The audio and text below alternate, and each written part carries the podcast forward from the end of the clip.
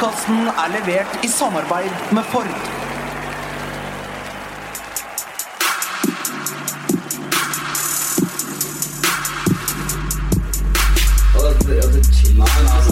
Nei, karer, hysj. Det er faktisk sånn at det kanskje er noen som har lastet ned der. Nei, nå må vi bli ferdig. La meg bare få spilt inn her, da. Velkommen til fotballuka!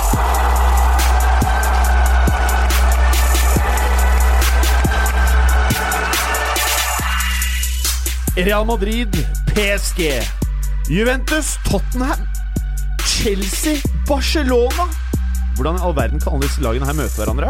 Det høres jo nesten ut som fancy fotball. Jo, det er fordi det er en turnering som heter Champions League. Dette er jo selvfølgelig noe vi skal prate veldig mye om i dagens sending av Fotballuka. Eh, og selvfølgelig også litt grann Premier League, litt Fiesta-øyeblikk eh, og noe Ford. Alt dette og veldig mye mer i dagens episode av Fotballuka! Bra, Morten Gallosen. Kommer seg. Ja, hva syns du om introen min? Den eh, var litt stotrete. Den var litt stotrete. en, Litt rar, altså. Den var litt rar. Men jeg la merke til at du ikke hosta. Har du blitt operert i det siste? Ja, jeg er blitt operert, eh, men ikke der man skulle tro man blir operert når man har hosteproblem. Nesa? Jeg, Ikke halsen. jeg ble operert i nesen, ja. Det stemmer. Eh, kan dere se at jeg har operert i nesen? Nei, Den ser veldig rett ut, da. Ja. Mm. Mot normalt. Mo hæ? Har den ikke alltid vært rett? Jo, jeg kødder. Ja, ja. Nei, for jeg føler den er ganske rett og fin, da. Det er vel en av de få tingene den kan skilte med. Den er jo ellers ganske stor, jeg har fått høre. Ja, både Preben og jeg har vel poengtert at du ser lite nyoperert ut. Ja, jeg ser lite nyoperert ut. Høres jeg nyoperert ut? Det høres litt tett ut. Litt tett, ja. Preben som eh, sitter og nikker foran en mikrofon som ikke fungerer. Og du er ikke spesielt keen på å nærme deg mikrofonen som fungerer. Her er jeg. Der er du, ja. Mm. Mm. Du ser nydelig ut, Tim. Jeg må bare si det. Takk skal du ha. Du, eh, ikke nevn dette med hosting. Ja, for Hver gang du sier et eller annet med hosting, så begynner det. Eh, hvordan går det, karer? Vi nærmer oss jul her. Med stormskritt, vil vel noen eh, hevde. Det er julekaker i studio. Morten Galesen har eh, tatt en, noe han trodde var en julekake, eller? Jeg aner ikke hva noe av det i den Det boksen er er. en gresk kake. Er den gresk? Det er en gresk kake Oi. fra Athens. Som er flydd inn denne uka her, faktisk. Ja. På mandag. Den er, den er ganske hard å kjenne på, så jeg, jeg vil ikke tygge noe særlig foran mikrofonen. Så det er mulig den blir liggende en stund. Ja. Det er, greske kaker kan ligge lenge uten at de blir noe nevneverdig dårligere i både konsistens og smak. Fordi det ikke var all verden i utgangspunktet. Å, der er den, ja! Der Der kommer er vekttalla frem, ja. Ja, ja, ja. Ja, Det er ikke rent få vekttall heller. Den er tyrkisken. Eh, og så er det deg, da, Berger. Ja. Ja. Eh, hvordan er det å dele mikrofonen med Preben i dag? Eh, veldig irriterende. Veldig irriterende. Ja. Det ser ut som dere syns det er ok, da. Ja da. Det er, det er irriterende samtidig hyggelig. Ja, øh, ja. Noen ville hevde at det er hyggeligere enn irriterende. Ja, Greit, da sier vi det. Eh, ok. Denne uka her så er vi jo selvfølgelig eh, levert i samarbeid med Ford nok en gang. Og vi skal jo innom eh, ukens eh, fokus. Og for de av dere som fulgte med i den noe stutrete introen her, så nevnte jeg jo eh, Mo Salah flere ganger. Og Mo Salah er jo, eh, for de som liker å se på fotball, og som liker å se på Premier League, for mange da den beste spilleren i Premier League så langt, selv om han ikke golla eh, i forrige oppgjør. Eh, hvilke velvalgte ord har du for fotballspilleren Mohammed Salah, som på mange måter eh, ikke er den type spiller som dine favorittlag kanskje meskes med eh, på det daglige? Eller på det ukentlige, eller månedlige, eller årlige? Nå ble jeg nesten litt forvirra av spørsmålsstillinga Ja. di, men eh, det som, er, eh, det som jeg syns er interessant med Mohammed Salah nå, er at det er faktisk bare halvannet år siden han var Chelseas eiendom. Og det er fort gjort å glemme, for der var han ikke levna mange muligheter. Og jeg var jo skeptisk til uh, Salah, selv om jeg hadde sett den i Roma. Men jeg mente han hadde kommet til Premier League, falt igjennom, og um, følgelig da ikke ville passe inn. Eh, han har vist at der tok jeg skammelig feil, og de som holdt han ute av laget til Chelsea da han var der, var jo bl.a. Mata, Hazard og Oscar. Nå er han bedre enn dem alle. Ja. Ja, altså det var jo uh, ikke alle i, i studio her som var skeptiske, da. Jeg var jo rimelig klar på at det her kom til å bli en suksess, men at han skulle dø, være så hot Jeg mener at han er helt klart verdensklasse nå. Og Og verdensklasse Altså ypperste klasse. Han er, han er verdensklasse. Jeg betyr ikke at han er blant de tre-fire-fem beste, men han er verdensklasse. Og for å være helt ærlig, nå har det kommet rapporter fra Madrid i dag til eh, Bergolini om at eh, det er allerede en uh, føravtale på plass mellom Bale og United. Okay. Se for meg Salah til Real Madrid til sommeren. Ja, det hadde egentlig vært litt deilig. Men det er en overgang jeg er ekstremt skeptisk til. For jeg, Uten at jeg kjenner Salah veldig veldig godt, så ut fra hvor han har lykkes, i hvilke klubber han har lykkes, så virker han som en spiller som er avhengig av stor trygghet for å gjøre det bra. Eh, I Den Chelsea fikk han null trygghet. Han gjorde et veldig gode hva skal jeg si, låneklubbvalg. Eh, både Fiorentina og spesielt Roma, hvor han fikk tillit kamp etter kamp etter kamp. Han kom jo alltid til mye sjanser eh, helt fra første kamp i Roma, men han slet med å omsette veldig mange av de sjansene i starten. Men så fikk han spille på seg mer og mer selvtillit. I Liverpool, fra dag én, så har han blitt satset på, fått den tryggheten. Jeg er veldig usikker på om det er rett for han å gå til det neste steget nå. Jeg syns han skal bli der en liten periode til. Spillestilsmessig så ville det vært en ypperlig match. Eh, Vi hadde jo tenkt å prate litt om hvem som eventuelt kunne være interessert i han i framtiden hvis han eh, klarer å beholde eh, nivået og, og fortsette framgangen. Og da Det første som slo meg, var Real Madrid, nettopp fordi han spiller i akkurat den posisjonen offensivt som de ikke har klart helt å befeste ordentlig. Og han er da denne innoverkanten eh, med veldig sånn flairy eh, spillestil, som eh, Real Madrid eventuelt vil elske. Men jeg er også enig i at eh, han nok Kanskje, i hvert fall eh, hvis man skal dømme han etter eh, hvordan det gikk i Chelsea, eh, muligens ikke ennå har psyken til, eh, til en sånn overgang. Når det er sagt, så er han jo mye mer mann i anførselstegn nå enn han var eh, da han kom som 21-åring, var det vel, til Chelsea. og eh, Ikke bare mentalt, men han var jo fysisk ung og ordentlig veik. Nå har han jo skuldre og brystkasse og, og er klar. Og han sier jo selv også at den selvtilliten som han har kommet inn i Liverpool med nå, den eh, kommer bl.a. selvfølgelig av å ha bevist i større ligaer hvordan, eh, hvordan han kan eh, levere. Men også det at han har blitt far i mellomtiden, har eh, gjort han til et uh, han, Det har gjort at han har vokst som menneske totalt. Da. Så eh, det er jo en markant uh, forandring fra tre år tilbake da han kom til Chelsea. Og ingenting tyder på at han har slutta å utvikle seg mentalt heller. Nei, og så er det et, et annet element for hvorfor Madrid antagelig kan være interessert, og det er at han er fra en region med ekstremt høy uh, fotballinteresse, hvor allerede Real Madrid er ganske populære. Uh, så du har et element der òg, det å sementere uh, sin plass som den antagelig mest populære klubben i det utvidede Midtøsten, det er noe de antagelig er veldig interessert i. Så, men jeg for øvrig er, er jo litt uenig med dere, fordi jeg mener at du kan ikke dømme han for Chelsea-perioden rett og slett fordi han ikke fikk muligheter. Han har levert og han har fått muligheter. Det gjaldt i Basel, og det gjaldt med en gang kom til Fiorentina og fikk litt tillit. tillit. Så, så jeg er ikke noe redd for eh, en Madrid-overgang for hans del. Men uh, Mohammed Salah, da. Han eh, virker for meg som en spiller som er eh, Nå har jeg sett vesentlig mer han i Liverpool enn i Roma. Uh, han virker som en uh, Han virker som Roma-spilleren, bare enda litt bedre.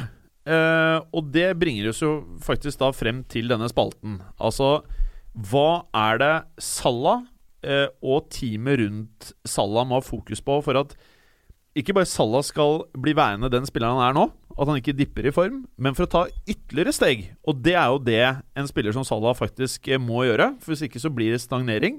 Og stagnering eh, blir ofte til at du får eh, kanskje den risikoen med en sånn hasardsesong innimellom, hvor du faktisk går tilbake. Og det er jo ikke eh, det man ser etter i moderne fotball. Nei, altså Spillestilen hans det er jo, Han har jo en eksplosiv spillestil. Er, man bruker mye energi. Jeg tror den um, balansen hvile-matcher, som Klopp faktisk har blitt ganske mye bedre på, nå rull- rullerer litt mer på laget. Jeg, jeg tror ikke Sala har uh, muskulaturen til å spille to kamper i uka hele året.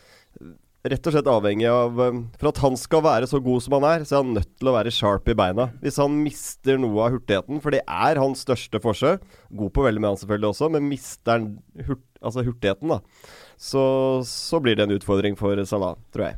Det som imponerer meg mest, er eh, i og for seg ikke farta i seg selv, men han, eh, hvor effektivt han eh, bruker den, både offensivt og defensivt. Han er lynhurtig oppe i press og er da mye bedre defensivt enn man kanskje tenker, fordi han er såpass hissig som førsteforsvarer.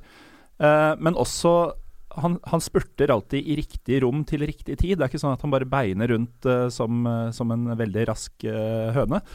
Eh, så han har eh, han hadde jo farta, han hadde jo touchen også da han var i Chelsea, men han har blitt mye smartere på hvordan han skal bruke den. Og det å Eh, Selvfølgelig unngå belastningsskader, men også beholde den klokskapen og, og vite nøyaktig når han skal bruke disse kreftene sine. Det er nøkkelen for Mohammed Salah. Jeg er helt enig. Han ser nok faktisk raskere ut enn han egentlig er også, for han er ekstremt god til å starte disse løpene. Så Mm. Nei, men jeg tror han trenger mye overskudd da, for å fungere optimalt. Så, så Ja, her da prater vi om en, eh, et trenerapparat, team, klubb, som må passe på at han faktisk da At nettopp de tingene her blir ivaretatt. At han ikke blir overtrent, overspilt. Helt riktig. Jeg tror faktisk nøkkelen her er at han ikke blir, eh, blir eh, brukt for hardt for mye. Fordi da vil han komme inn i det Wenger omtaler som rød sone. Skader, skadeavbrekk er hans største fiende, tror jeg. Og Arsen Wenger er jo ekspert på å få spillere inn i rød sone. Ja, og er- Han er eneste som snakker om det, men han følger jo ikke sine egne råd. Og så kommer de ut av rød sone, og så er det rett inn Ja. i rød sone kort tid etterpå. Ja, det er akkurat det der. Hør nå, Gallosen. Der eh, Det er sånn nyoperert neselyd. Og som også gjør at når du er nyoperert i nesa, så sover du også alene. Men en, en liten ting. Ja. Um, liten digresjon angående um, Salah. Hvor lættis er det ikke å tenke på at han kostet Liverpool tre millioner mindre enn Everton betalte for Gylfi Sigurdsson? Det er eh, eh, Sånne ting er uvirkelig. i Ja, det er helt uvirkelig, Og, altså. og det er derfor, når store lag bommer på toppsigneringer, så er det så stor avstand fra at du har gjort en dårlig signering, eh, til at det er en katastrofal signering. For Hvis du begynner å liksom se på det eh, Salah, hva var det han kosta? En 40? 43 kan stige til 8-49 euro. Ja, Mm. ok. Uh, og Lukaku kosta hvor mange 75 euro, tror jeg.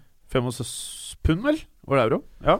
Eh, og da kan du liksom begynne å se på Jeg mener jo ikke at Lukaku er et katastrofalt kjøp på noen som helst måte. Jeg tror det er et bra kjøp med dagens marked, men det vitner om hvor vilt bra Liverpool-kjøpet av Salah er. da Det er jo det det egentlig sier noe om her. Mm.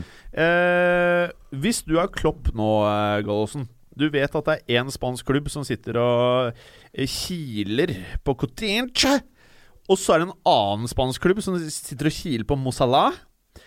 Hva gjør du da? Ja, og så er det en italiensk klubb som sitter og kiler på en gratisspiller som heter Chan. Chan, ja Problematisk? Eller? Nei, jeg ville jo svetta en del, da. Uh, Mista nattesøvn og kanskje hår, uh, som jeg da ville hatt hvis jeg var Klopp. Hva slags hår har du da mista da? Nei, det, disse lyse lokkene, da. Ja. Som, eller lysebrune Jeg vet ikke helt. Mørkeblond. Ja. Uansett uh, Coutinge er, eh, er borte. Han eh, får de ikke beholdt eh, en sommer til. Og det vet de nok, så der har de nok begynt så smått å planlegge et liv etterpå. Um, Sala Jeg tror ikke at vi har kommet dit at han nødvendigvis skal av gårde igjen etter én sesong. Og det skal, for at du skal hente Mohammed Salah fra Liverpool, så skal, skal det være en klubb av en viss størrelse. Og jeg ser ikke mange som er i en posisjon til å, til å lokke han vekk sånn umiddelbart, eh, hvis han føler seg like bra som det ser ut som, det gjør, eh, som han gjør i Liverpool. Og da er det liksom Real Madrid og eh, Jeg tror han føler at han har, eh, at han har runda Italia, at ikke det er noen særlige klubber der. Eh, Barcelona har Messi i den posisjonen, og det er ikke noe vits i å gå dit. Eh, så da sitter man igjen med kanskje PSG, da. Ja. Og jeg vet ikke hvor interessante de kommer til å være når vi kommer til juni. Det, alt, eh, alt avhenger vel av hvordan det går i Champions League. Bayern også er vel en teo i i teorien mulig. Bayern Eh, er ja. en god kandidat. Rett og slett pga. Uh, Robben. Altså, han greier å rulle tilbake årene noen ganger, ser vi, men, men det blir sjeldnere og sjeldnere. Og, og den fantastiske farten hans Den er ikke like heftig nå lenger. Og du vet at på et eller annet tidspunkt så kommer Romenigge og Uli Hønes til å åpne lommeboka. De har jo penger. Det er jo bare sånn der uh... De, de liker å syte om at de ikke har penger. Og så bare spruter det Deutsche Mark. Det er så lættis å Ja. høre den der klagingen. Ja. Nei, vi har ikke penger, vi kan ikke bruke Men de har jo det. Eh, men så, eh, om Salah ikke går til Real Madrid, Ja. så er det en annen spiller som heter eh, Paulo Dybala. Ja. Som sikkert skal til Real Madrid på et eller annet tidspunkt. Ja, og de der nydelige ja, spanske kronasjene. Ja, ja. De skal jo spendes et sted, de òg. Hva hva med en liten Salah til Juventinia? Eh, ja, altså nå, nå er jo han mer en ren wing, mens Dybala spiller jo enten spiss eller eh, tierrollen. Ja. Nå har jo faktisk um, Salah også spilt tierrollen i, eh, i Italia. Men eh, jeg tror eh, faktisk det er veldig mulig. Juventus er visstnok veldig åpne for å selge Dybala. Jeg er ikke helt fornøyd med utviklingen hans. Han hadde en fantastisk start på sesongen. Han skårte i hver kamp over en periode. Så har han falt helt sammen. Han har ikke skåret siden Barcelona i Champions League. Han har ikke skåret siden Men dette her så markerer hvorfor eh, jeg syns moderne fotball er frustrerende. For at folk har så kort hukommelse. Altså Man, man eh, prater om tre kamper av gangen, og så glemmer man at eh, her har du en spiller som all Altså Overall så mener jeg at det er den mest verdifulle spilleren hands down i Italia. Ja, ja. Det er Altså nok. Uten uh, sammenligning så vil noen kanskje si Cardi, men jeg mener Dybala er ja, ja, ja, mye, mye, he- ja. Helt klart. Mm. Og det her er jo en spiller som vi alle er grovt sett enige om er liksom arvtakeren til de to store. Ja, og det som helt ærlig, Ja. det syns jeg er litt rart. Jeg syns å, faktisk, å, ikke- jeg syns faktisk ikke han er så god. Åh. Nei, faktisk, jeg skal helt ærlig. Ja. Det er litt å, å banne i kjerka kanskje som Juve-supporter. Men jeg syns han er litt oppskrytt. Ok, send uh, hatet til eh, Tamino82 Ja. på Twitter, er og så bare- tar du det derfra. Ja. Eh, noe mer vi ønsker å si om uh, Salah? Hva, hva er viktig for at eh, Liverpool skal holde seg topp fire her eh, mot slutten av sesongen? Det er jo å holde han eh, frisk og rask. eh, Kanskje droppe den mot uh, West Brom og heller eh, bruke den mot eh, Tottenham. Eh, og så er det jo selvfølgelig å bare fortsette å, å, å fòre den eh, konstellasjonen de har framover der. For når de gutta finner hverandre, så er det ustoppelig. Bra. Eh, ok, folkens. Videre til eh, Champions League. Berger, Juventus, eh, Tottenham. Ja. Spennende, spennende møte det her. Juventus har jo veldig dårlig track record mot engelsk motstand. Og fysj, Gallosen kom med den greske kaken mot meg. Jeg, jeg tror ikke de har vunnet et, eh, altså et utslagsoppgjør siden 1984 eller noe sånt. Altså det er eh, godt over 30 år siden. Ja, skulle lagene møttes på en måte den dagen dette ble trukket, så ville jeg sagt at Tottenham kanskje var litt for, ville vært, eller ville vært- ikke vært noen favoritt. Men når vi kommer frem til februar Juventus har jo ikke fyrt på noen sylindere i det hele tatt gjennom høsten. Og eh, Tottenham er utslipt etter tøff vinterperiode. I, I Italia så har de til og med også endret vinterpausen så den kommer i januar. Sorry, ass. Det her kommer til å bli eh, Jeg er ganske sikker Altså, jeg vil si at Juve går videre her 80 Eh, På tross av at det altså er elementer som heller i Spurs favør, spesielt eh, den elendige track recorden mot, eh, mot britisk motstand. Ok. Altså jeg mener Kvalitetsmessig på disse lagene her Så er det ikke stor Hvis du tar spiller for spiller i en startelver på disse lagene i dag, må vi ta høyde for at formen er at begge er i sånn rimelig grei og lik form når vi kommer til februar. um, så ser jeg ikke at jeg Skulle jeg plukket som best elver da fra begge lagene, som jeg hater å gjøre, by the way, så tror jeg det hadde vært sånn 50-50 Tottenham-spillere og Juventus-spillere. Etter det som gjør faktisk Juventus bare til ørsmå favoritter hos meg, jeg syns 80-20 er ganske heavy, eh, er rett og slett den rutinen de har i Europa. Eh, jeg ser ikke bort fra at eh, Tottenham slår ut Juventus, men jeg holder Juventus som en knapp favoritt i det oppgjøret der. Gallosen, eh, skal City gå på tap borte mot Batzel, eller? Det, det skal de ikke. Å nei. Nei, eh, Hvis det var 80-20 i den eh, tidligere nevnte kampen, så er det vel eh, 4-96 eh, mellom Basel og City. Minst. Eh, Basel imponerte i gruppespillet, det er greit, men, men det blir irrelevant her. Og Basel har opp gjennom tidene most både Tottenham, Chelsea og United i Europa, men det er også helt irrelevant eh, mot dette City-laget, som kommer til å vinne denne, dette dobbeltoppgjøret 26 av 27 ganger. Eh, de starter til og med borte, og, og kan da mm, bare cruise inn der og gjøre hva de trenger å gjøre på hjemmebane. Trenger sikkert ikke å ta ut rare kreftene engang, hvis de er eh, så gode i, eh, i februar som de er nå. Så dette er et ganske uinteressant oppgjør, og vi, kan, vi skal snakke mer om hvorfor City er såpass dominerende senere i sendinga. Men vi kan gå videre til neste, for her er utfallet gitt. Her er utfallet gitt, eh, hevder du. Eh, Preben. Eh, Porto Liverpool. Jeg har jo trua på at dette kan bli eh, en eh, kongeepisode. Episode. Ja. ja. Nei, vet du hva, jeg tror dette her blir den, eh, det mest underholdende oppgjøret av alle Altså, snakker om port, nei, PSG mot Real Madrid og et par andre store matcher her, men vil du se mål og underholdning, så tror jeg Porto og Liverpool kan være den matchen du bør tune inn på, altså, for Nei, det er to lag som er veldig gode offensivt, og som begge har eh, store, eller til tider, store problemer defensivt. Men jeg er litt redd for, for Portos en del, at den, det oppgjøret her kan være avgjort allerede etter det første oppgjøret i Portugal. Jeg ser for meg at Liverpool fort kan gå på en brakseier på bortebane mot Porto. Mener at kvalitetsforskjellen mellom eh, de to lagene er eh, akkurat sånn det ser ut i dag. Relativt eh, stor. Det er litt trist å høre. Jeg er dessverre enig. Ja, og Eh, Liverpool er historiske tall, men de har møtt Porto fire ganger, aldri tapt. Jeg vet ikke hvor mye han skal legge i det, det begynner å bli noen år tilbake i tid. Men eh, det er noe med portugisisk fotball om dagen. Det virker ikke som det er helt som det skal være i, i Portugal. Det er ikke som det en gang var. Nei. Eh, kan det ha noe med at eh, eh, prisene på fotballspillere har steget såpass mye at det er vanskeligere også å finne talentene? Det er nok et uh, veldig, veldig godt poeng. Ja, det er nettopp det, fordi Spesielt både Porto og Benfica, eh, for så vidt også uh, Sporting, har jo hatt en klar strategi. At de skal være flinkest på å plukke litt undervurderte talenter fra Sør-Amerika. Eh, Spesielt selvfølgelig Brasil, for det er veldig lett å avklimatisere seg i Portugal som brasilianer. Brasil. Brasil. Eller Brasil. Brasil! Uh, men men uh, nettopp som du sier, så ser vi at på en måte prisingen på unge talenter Altså Venicius Junior er et godt eksempel, som ikke altså får er kjøpt for 45 millioner euro av Real Madrid. Uh, Og så skal de betale ekstra for å få han nå i januar, angivelig. ja, og det feteste var da han ble kjøpt for 45 millioner, så hadde han vel ikke scoret seniormål engang på klubblaget. Det, jævlig, det er veldig spesiell, det er spesiell, ja, ja. eh, veldig spesiell transfer. Det høres litt katta Men, i men, jeg, har- nei, men jeg har sett eh, For jeg sjekket litt, og han ser ganske sexy ut, altså. Ja, jeg, jeg håper jo det. Ja. Eh, men eh, det lukter også litt sånn Real Madrid eh, Det gjør det. Det lukter litt sånn Fernando Gago-kjøp. så det gikk ja. eh, Nei, det kan bli eh, fæle. Og så er han jo fæl. søt, da, som fortsatt har regulering. Ja. Det er jo eh, Ja.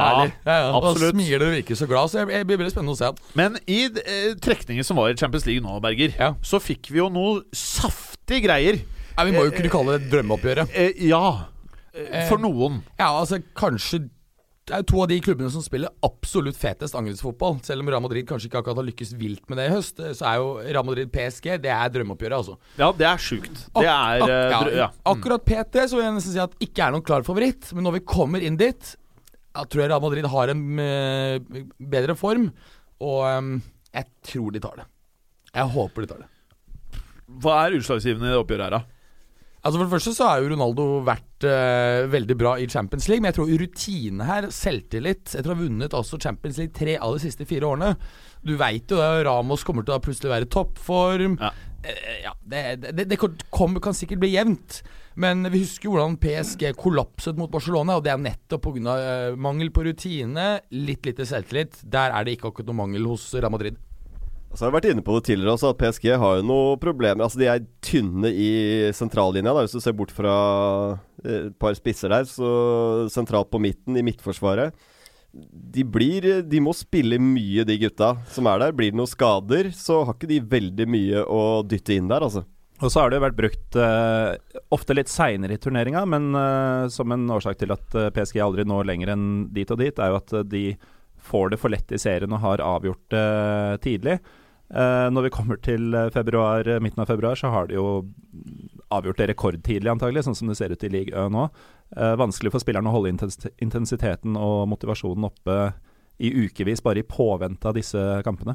Og så er det et annet element, og det er at um, motstanden, det meste av motstanden de møter i hjemlig liga, er såpass svak at de har ikke nok matchtrening på det aller, aller høyeste nivået. Og vi så jo det som skjedde da de møtte Bayern nå sist, etter den første kollapsen Bayern hadde mot PSG, hvor de tapte altså 3-0. Så var jo Bayern klart bedre. Jeg, jeg, jeg, jeg, tror, eh, jeg tror faktisk at PSG er mindre gode enn det vi tror. Rett og slett fordi vi blir litt lurt av motstanden de eh, møter. Ja. ja. Eh, og ikke Og så er det en, ting Ja, til, og det ja. er Tiago Motta. Han er ikke så veldig rask lenger. Han er god taktisk, men han kan fort bli et uh, svakt punkt i dette laget når de møter Real Madrid. Bra. Også for sånne blaserte folk som meg, da. Så eh, alle disse overgangene i sommer, så glemmer jeg jo litt at eh, det er mye penger, men det er ikke nødvendigvis alle de her som er proven eh, over lang tid. Ett av det. Sevilla og din kjære, kjære moderklubb Manchester United. Blir det noe oppgjør, dette? Eller eh, er det buss eh, i det oppgjøret her, og så eh, angrepsbuss i neste oppgjør? Ja, det her kan fort bli en lekker liten uh, sak. Altså, det er, det er jo de, de to siste Europaligavinnerne som braker sammen. Og Og for noen ikke, Det er ikke et pluss for noen. Men for deg så er jo det sikkert et uh, stort pluss. Ja, det er jo uansett uh, to lag som, eh, som vet å vinne europeiske turneringer. Men eh, jeg vil våge å påstå at ingen veit hvordan disse lagenes sesong ser ut i februar. Et godt poeng. Hva, hva Sevilla driver med da, og hvor langt bak City United ligger, og, og hvor sure de eventuelt har blitt av det, hvor dårlig stemningen har blitt med Mourinho. Eh, vanskelig å si. og Sevilla var jo leie motstandere for Liverpool i gruppespill også. To uavgjort-kamper der hvor de beit godt fra seg, eh, i hvert fall i enkeltomganger. Uh, og Liverpool er jo mer eller mindre sammenlignbare med United i nivå, tenker jeg. Men uh, så er jo det å møte Mourinho i et sluttspill Mm. uh, Det er en del mer kløkt der enn Klopp i gruppespill. så Altså, Sevilla de er jo på godt og vondt. De tapte jo 5-1 i Moskva. Likevel så, så ble jeg ikke sjokkert om de slår ut United. Det er et sprøtt lag sånn sett. Men over to kamper så tar United dette med knapp, knapp margin. Ett, maks to mål eh, sammenlagt. Og det vil uansett eh, likevel kjennes mer kontrollert enn resultatet tilsier. Jeg, jeg er helt enig. Jeg er ganske sikker på at Manchester United tar den her for Sevilla. De, de aner ikke hva du får. Du kan få et toppeuropeisk lag, eller du kan få et uh, segunda altså, lag. Altså, de er de, de varierer veldig, men det som er urovekkende for Manchester United, er jo hva Lukaku presterer i toppmatchene. Um, altså han har Mot topp seks-klubben i Premier League så har han 15 mål på 62 kamper. og Mot resten så har han 78 mål på 140 kamper. Eh, og litt formutviklingen til Lukaku også nå. Han har på de første 13 kampene i United skåret 16 mål. I påfølgende 13 så har han skåret to mål. Eller tre mål, da, med den som kom faktisk eh, i går. Eller forgårs, når det var. Denne uken her. Så Lukaku er faktisk avhengig Hvis United skal gå langt i Champions League, så er Lukaku også avhengig, avhengig av å levere mot topplagene. Det er interessant å se hvordan altså, spisskrisen for Belgia eh, Den ser jo rett og slett total ut. Eh, nå skal det tas med at eh, hvis du går inn og ser på statsene til eh, Michi Batshuay, så har jo karen skåret ni mål hittil i sesongen i alle turneringer. Og har et fantastisk hvis du ser antall minutter på banen. Ja. Likevel så har han blitt tatt av før 60. minutt i begge kampene han startet for Chelsea, uten mål. Eh, men en, en liten annen ting med United er jo at i dag kom et melding om at uh, Bailly er ute to til tre måneder. Det kan også være noe som uh, gir effekt der. Er det litt sånn sikkert juletegn at han ryker på en langtidsskade? Var det ikke omtrent på den tida i fjor òg? Ja, rød sone. Rød sone. Eh, Preben. Ja, da Mourinho skulle jo selvfølgelig ringt Wenger. Ja. Det gjør det sikkert ofte. Men når det gjelder spisskrise potensielt i United, da, at man er avhengig av Lukaku Det kan jo hende at når det har gått eh, Nå er det ganske nøyaktig to måneder til første oppgjøret. Kan jo hende at eh, Ibrahimovic er i kjempeform da. At Ja. han er tilbake som en løve, og at det, Lukaku kanskje er benka når det kommer til den tiden. Eh, jeg vil hevde at det du skal prate om nå, Preben, er the hipster choice of the bunch. Sjaktar Donetsk Roma. Jeg tror ikke det er den kampen som får flest uh, TV-seere når man skal plukke mellom de åtte matchene her. Jeg, jeg, det er nok veldig, veldig lav prosentandel som kommer til å tune inn på den matchen her, men uh, Du kikka på meg, du. Ja, jeg regner med at kanskje du kan tune inn på den her, Morten. Men, nei, men Shakhtar er et vrient lag å spille mot. De skal huske på at de vant alle tre hjemmekampene i gruppespillet. City, greit, det var et eh, demotivert City som ikke hadde noen ting å spille for. Men de slo Napoli, som stilte ganske så toppa i den eh, matchen her. De slo de. Så, og Roma imponerte til tider i gruppespillet, men jeg savner den X-faktoren i det Roma-laget her, da. Jeg føler det er mange jevnt over ganske bra fotballspillere, men få ordentlige som kan dra frem det lille når de trenger det, i en tett og jevn kamp. For mot Shakhtar så blir det tett og jevnt. Jeg kan se for meg et oppgjør her hvor Shakhtar spiller hjemme i første kamp, får med seg en knepen 1-0-seier, et eller annet, og frustrerer Roma fullstendig i returkampen. Så ikke bort fra Shakhtar slår ut Roma. Med et helt jevnt oppgjør, sånn som jeg ser det. Eh, bra. Eh, Berger, Chelsea-Barcelona. Ja, dette er jo et oppgjør som eh, har en del historie over de siste 10-12-15 årene. Riktignok så går det da uten Tom Henning Øvrebø denne gangen. Eh, Å nei, det var ikke noe morsomt, nei. Hva da? At kampen går uten Tom Henning Øvrebø denne gangen. Eh, Det, var- det var liksom ikke Jeg smilte litt.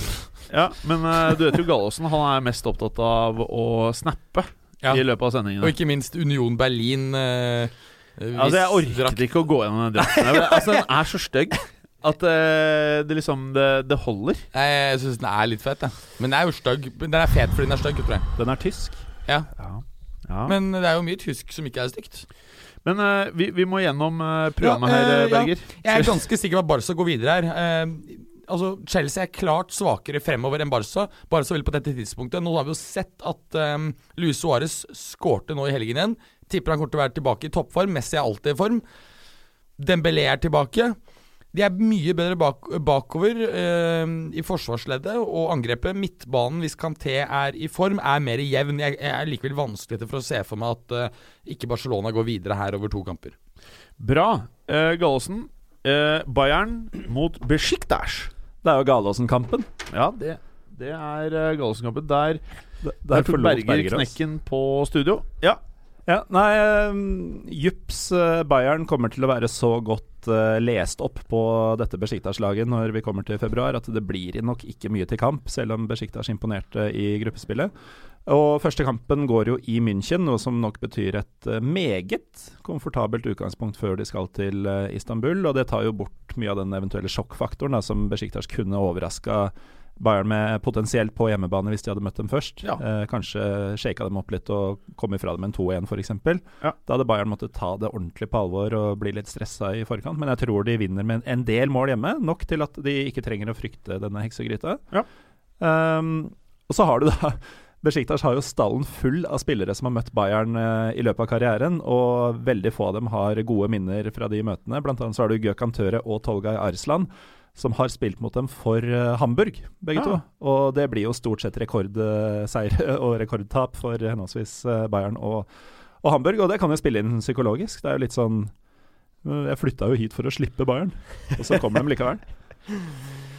Bra, Gallosen. Føler du deg ferdig da, eller? Ja, det er jo fryktelig mye jeg kunne sagt om denne kampen, men jeg skjønner at det er ikke noe Kan spare litt i februar. Ja, Bra. Eh, karer, i eh, ukas eh, Fiesta så har vi jo selvfølgelig da Manchester United, Manchester City 1-2-oppgjøret. Dette her er jo ditt program, Preben. Hvorfor har du valgt dette som ukas Fiesta? Med for at vi skal hylle Manchester City. Jeg tenker Når du slår Manchester United, det nest beste laget i England, hvis man ser på tabellen, og den lyver ikke veldig når vi har spilt såpass mange runder som vi har gjort nå De slår nærmeste tittelutfordrer 2-1 på bortebane, og er De er både ett og to og tre hakk bedre enn United i hele matchen. Altså De styrer det som skjer utpå der. Og det er et vanvittig statement av City. Og når vi ser de følger opp med å bare maltraktere Swansea i kampen etterpå på bortebane, så er det utrolig vanskelig. Det er tidlig, det er mange kamper igjen.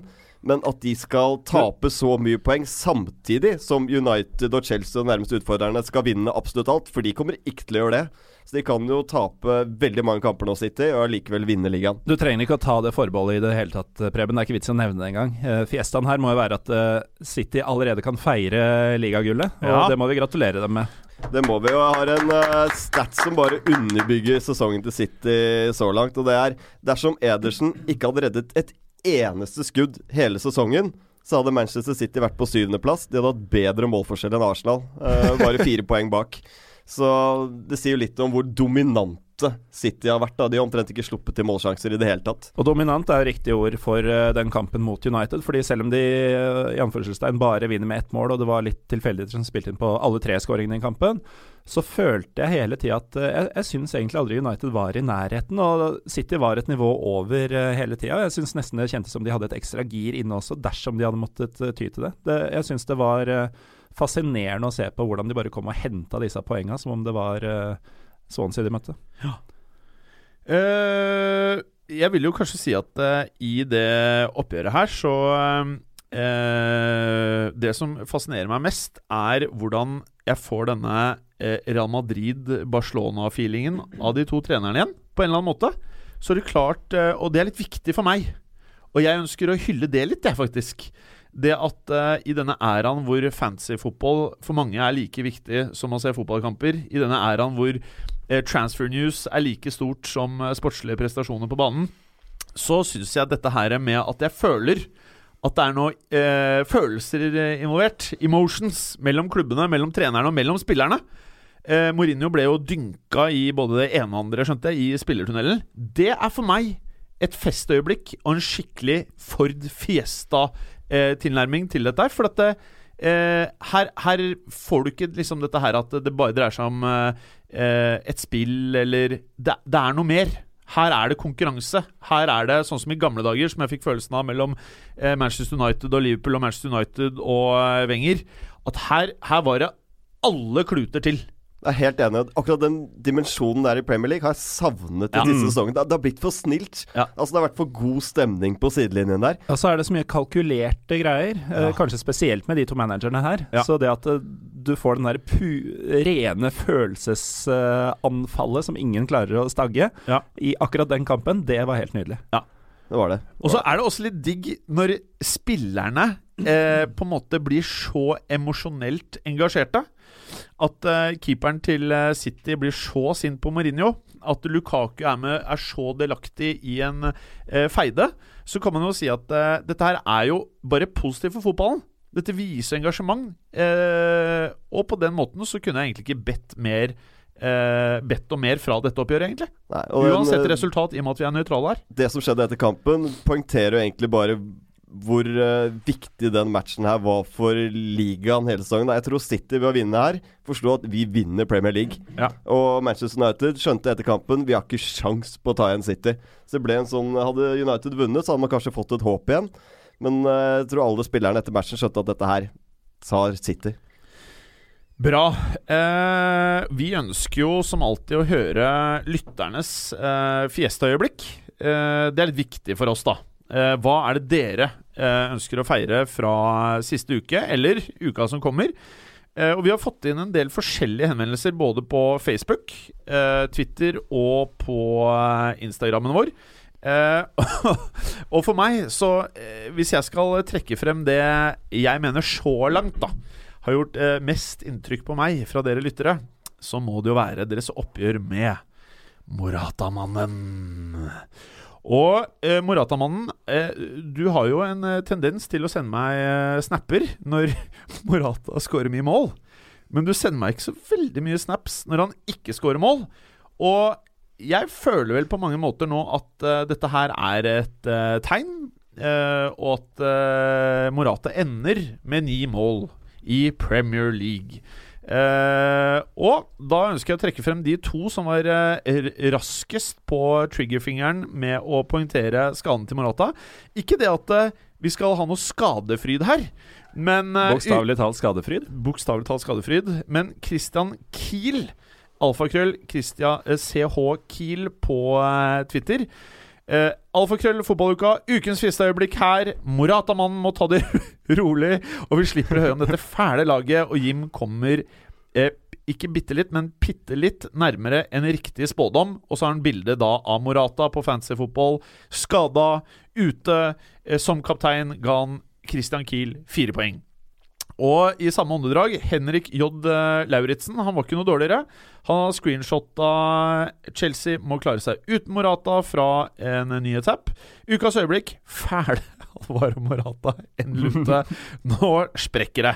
Eh, og ettersom vi allerede har nevnt deg, Christian Kiel, du fulgte jo opp med en eh, fantastisk liten eh, sak her.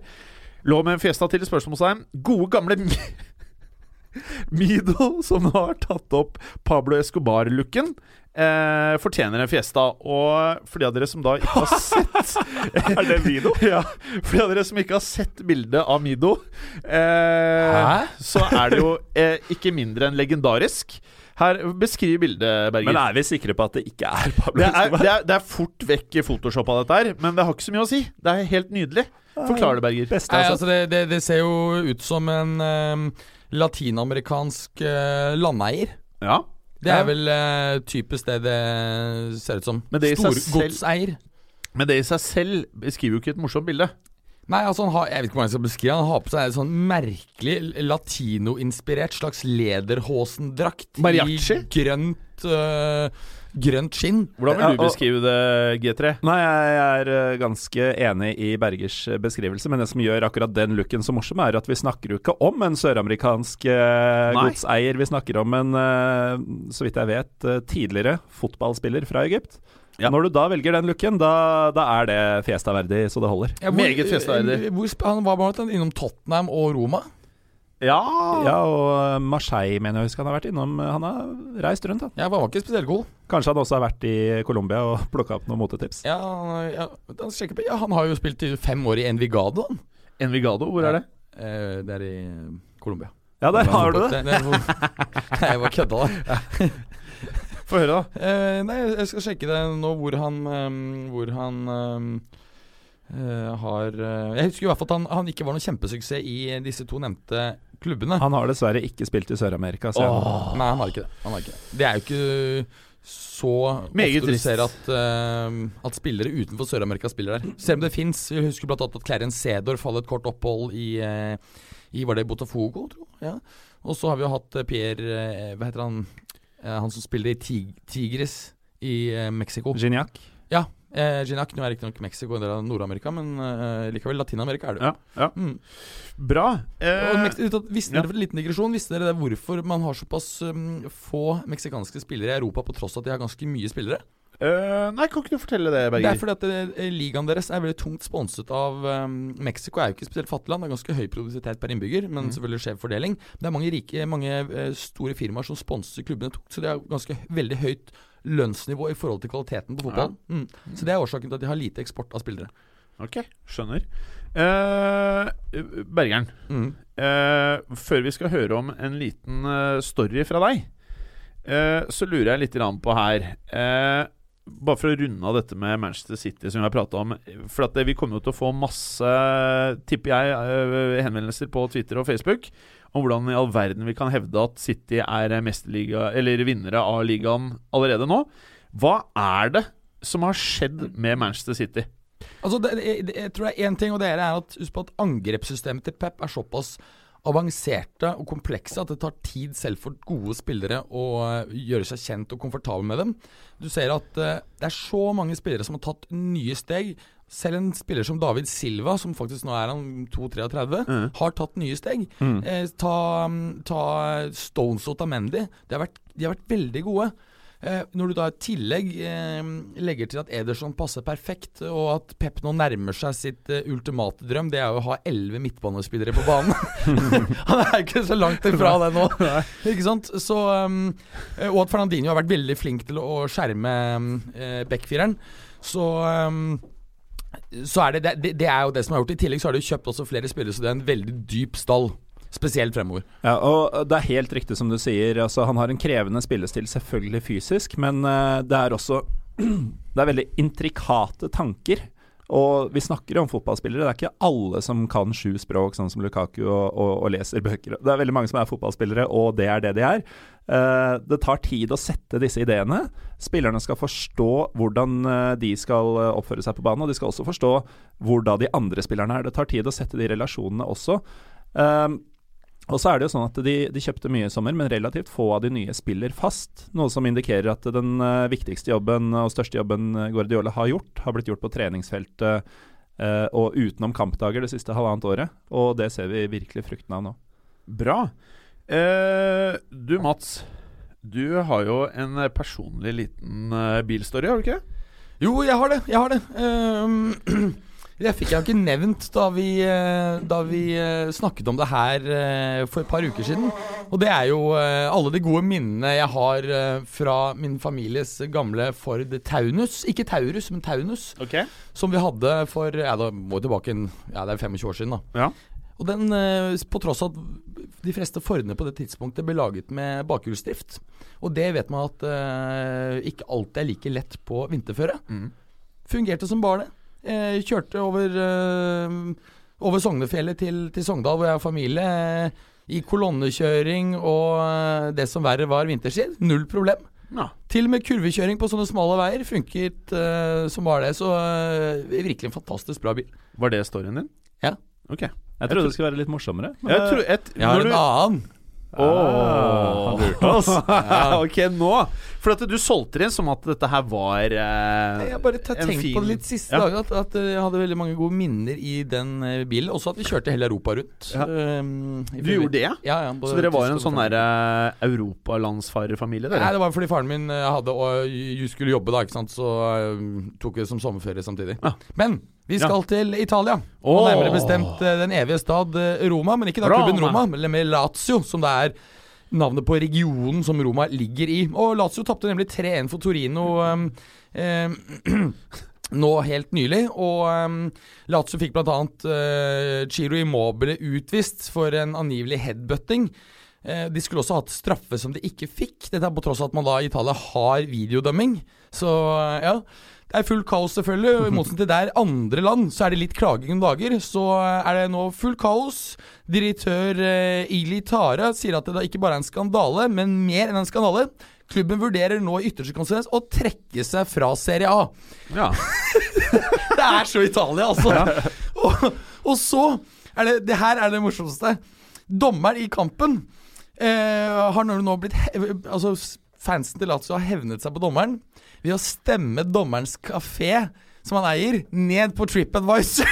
så så, så visstnok så skal de prøve å få han til å gå konk som hevn.